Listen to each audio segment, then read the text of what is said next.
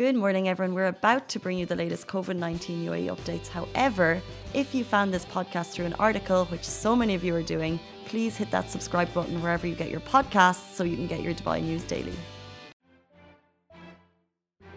Good morning, Dubai. How are you doing? Happy Monday. Welcome back to Lovin Daily, where we take you through the top trending stories that everyone in Dubai is talking about. Today, we have quite a meaty discussion coming up. At the end of the show, we have a sociologist, Eloise Martin, and she's joining us to talk about the recent LinkedIn post that went up asking for single females under 28. It drew a lot of debate at the time, so we want to get her thoughts on it.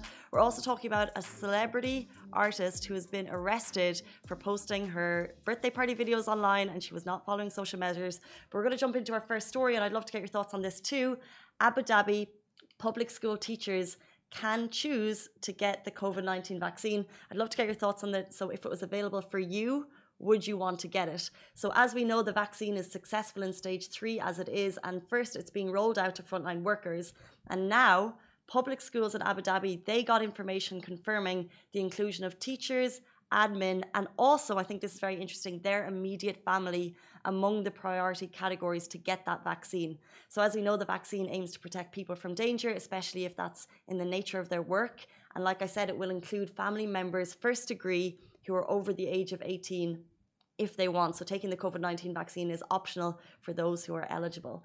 Um, so this is pretty interesting. We're going to see it being rolled out to frontline workers, uh, to people, like I said, if it's in the nature of their work that they're kind of in the face of dealing with a lot of people every day. Basically, the heroes of our society who have been going out facing that scary, scary virus every single day for the last couple of months. And now teachers, of course, will be kind of in the line of seeing a lot of people every day and they will be given the option, starting with Abu Dhabi public school teachers, like I said. Chai, love to get your thoughts on this. And you guys watching, would you be getting it? Yes. Yes. Chai is running around the studio. A tricky question because it's it's proven, but like it's just short term proven. It's not long term proven. So Mm.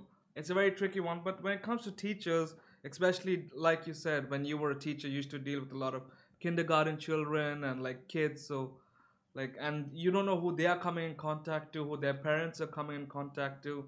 So being a teacher, would you So I think that's eh, right now. Maybe I wouldn't jump into it, but like you said, when you're coming into contact with a lot of people, not even about you, but you want to protect them. yeah. And if you're coming into contact with a lot of people, you want to make sure, like we know, if you're getting that vaccine, um, you're not required to get those COVID tests going in and out of Abu Dhabi because it, you are considered safer. Um, it, it is still in stage three, and it does take a long time for these vaccines to go through. But so far, it's been successful, and we've seen kind of higher ups in the UAE. Um, kind of obviously promote it successfully, actually take the vaccine as well. So I am sure of its kind of um, the fact that you know you will be safe taking it. And if I was a teacher, would I take it? More likely than I would now, because I can be a little bit of a chicken when it comes to these things. Like needles in general, I don't really like. So would I take the vaccine? Well, what, what if it's like a serum that you just have to like drink it? Maybe. Yeah, I think I think if I was a if I was coming into contact with a lot of people every day, um, and then I was going home to my family, so then I had to worry about the kids that I was teaching and my family at home, I'd be much more inclined to get it for sure. And especially for the fact that this, uh, they said the first degree family can get it too. hmm So like, That's amazing by the UAE to an- announce that and allow it for your relatives if they're over 18 and if they're eligible. Um, so shout out to the UAE Abu Dhabi Health Service for making that happen. So yes or no, Chai, would you get it? Not yet. Not yet. We'll give about you? What's your yes or no answer? Not in my current job. Well, I like it, but they are rolling it out to people in the front line Yeah. because they are more susceptible to getting the virus. Um, And I, I plus, wa- I feel like rather than us, it's more important for frontline workers to actually get hold of the virus first because, like you said, they deal on that with day to day. It's Mm-hmm. a day to day thing for them to actually come in contact with people with the virus. A hundred percent. But as you know, if we did have it, then does that mean we could travel abroad but not having to worry? We should still take caution. We should still take caution. Yeah. Uh, until the Wise whole world is safe, we should all take caution. Hundred percent. No, no need to rush into things. Hundred percent. Yeah. No need to rush, it, rush into those international holidays that we're planning. Guys, moving on to our next story. A celebrity was arrested in Dubai for sharing her birthday party videos online. This is an Arab actress. She has been arrested by Dubai police for basically brazenly posting her birthday party videos to Snapchat with little regard for COVID restrictions. Um, I've actually seen people kind of post videos out of brunches, and I'm just like, what are you thinking? Anyway, the celeb hosted parties at two separate restaurants. She was pictured with friends and rel- relatives with zero COVID precautions in place. Image was shared across her various social media platforms. Now, her identity has been kept anonymous. Uh, however, she is being referred to as MH by Dubai Police. Dubai Police confirmed the arrest, and they're also obviously um, reminding people you cannot host gatherings. Dubai Police said she posted videos on her Snapchat account of the crowded party where she and her guests were not complying with the social distancing and wearing mask rules. They obviously weren't wearing masks. Guys, reminder if you host a party, you will be fined 10k.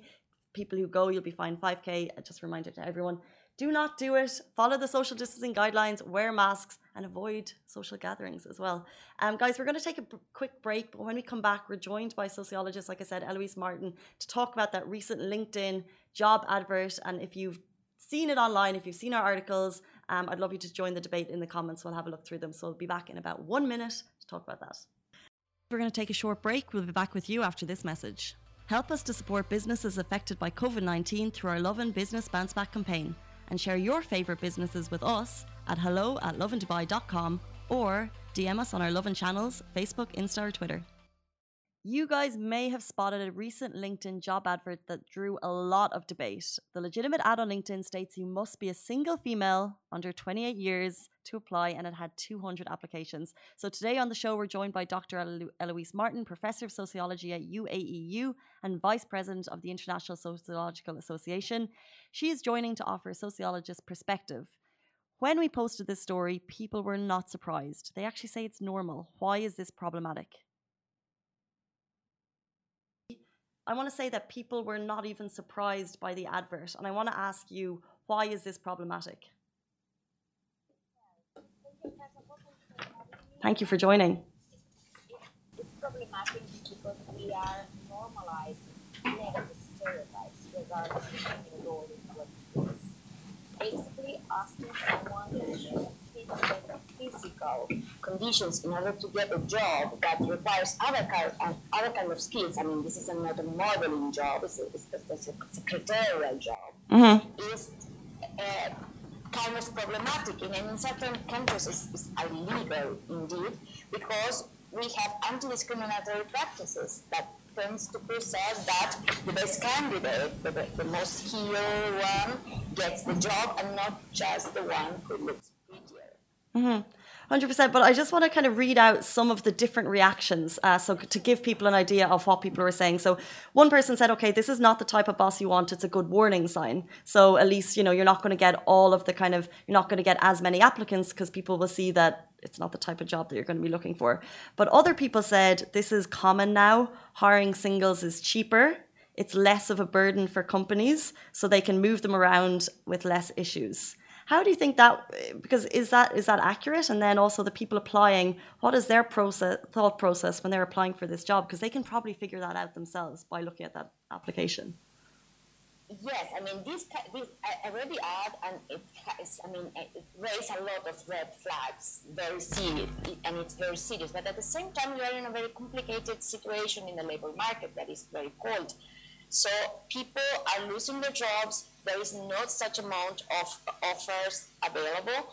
And sometimes people tend to get or to apply to, to jobs that are not, uh, you know, so serious or, or not so uh, companies that perhaps promise a lot or ask a lot, and even take jobs that are beneath their qualifications just because there are no other jobs available.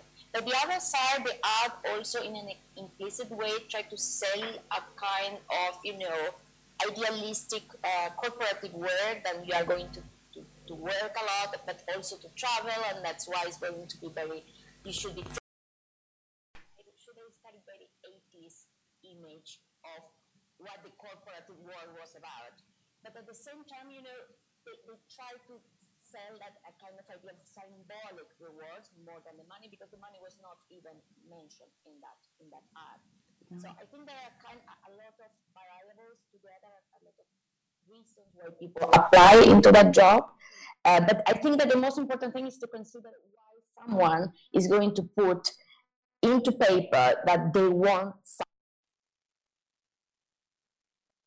A hundred percent. And you just kind of mentioned there that you know they asked you to be available because they kind of alluded to travel. They also asked for a photograph. Um, what type Yeah. and what type of jobs are asking for photographs? And I think that even itself just kind of kind of cements the fact that there's going to be bias in choosing. Um, why are why are people looking for photographs in job applications? Is is that that's an 80s idea as well, right? Yeah, and indeed, I mean, nowadays there's a lot of areas where not just is forbidden to ask for a, for a photo. So in certain areas, because the bias exists, I mean, we cannot deny that we have certain bias because these stereotypes exist in our society. The big job that we have to do is try to avoid them, is try to disrupt them in order to give equal conditions and equal possibilities to everyone. So asking for a photo is just putting first, okay, I am going to fulfill the stereotype of how a, a secretary should look like. And probably it's like, again, it's not just even 80s, it's 50s Mad Men ad of the lady that should look certain way uh, independently of their capacities. Uh, by the other side, I think that, uh, I mean, since the, the bias exists, there are a lot of policies to try to avoid them. For example, if you want to get a job in certain philharmonic orchestras in Europe, uh, auditions are going to be blind. Why that? Because there is a bias that consider that white male are better performers than any anyone else. If you just pay attention to the music and the technique without seeing who is playing, you can decide by the skills and the talent and not just who this person is. That's why it's so problematic to ask for a picture if it is not, let's say, a modeling role that you want some kind of look.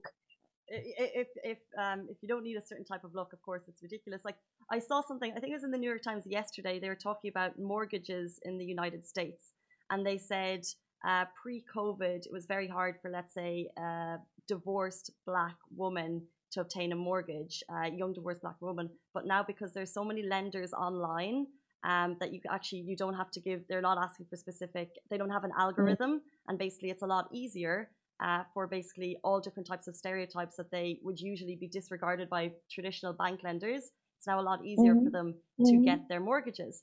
So, in terms of LinkedIn, could LinkedIn maybe do anything? Like, let's say, for example, it has the option for people to put pictures. Do you think it's something that they could change in their algorithm that makes that that could kind of lead to less of a bias, maybe?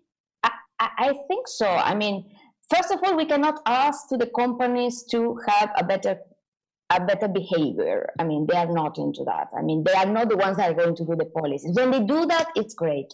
But LinkedIn or the governments in the different countries are, should try to do that because they are responsible of what, especially LinkedIn, of what is being published. Mhm. So if you have an, as, a, a- an ad that is sexist, that is mis- misogynist, that is, you know, reproduce negative stereotypes, well, they should be also get accountable.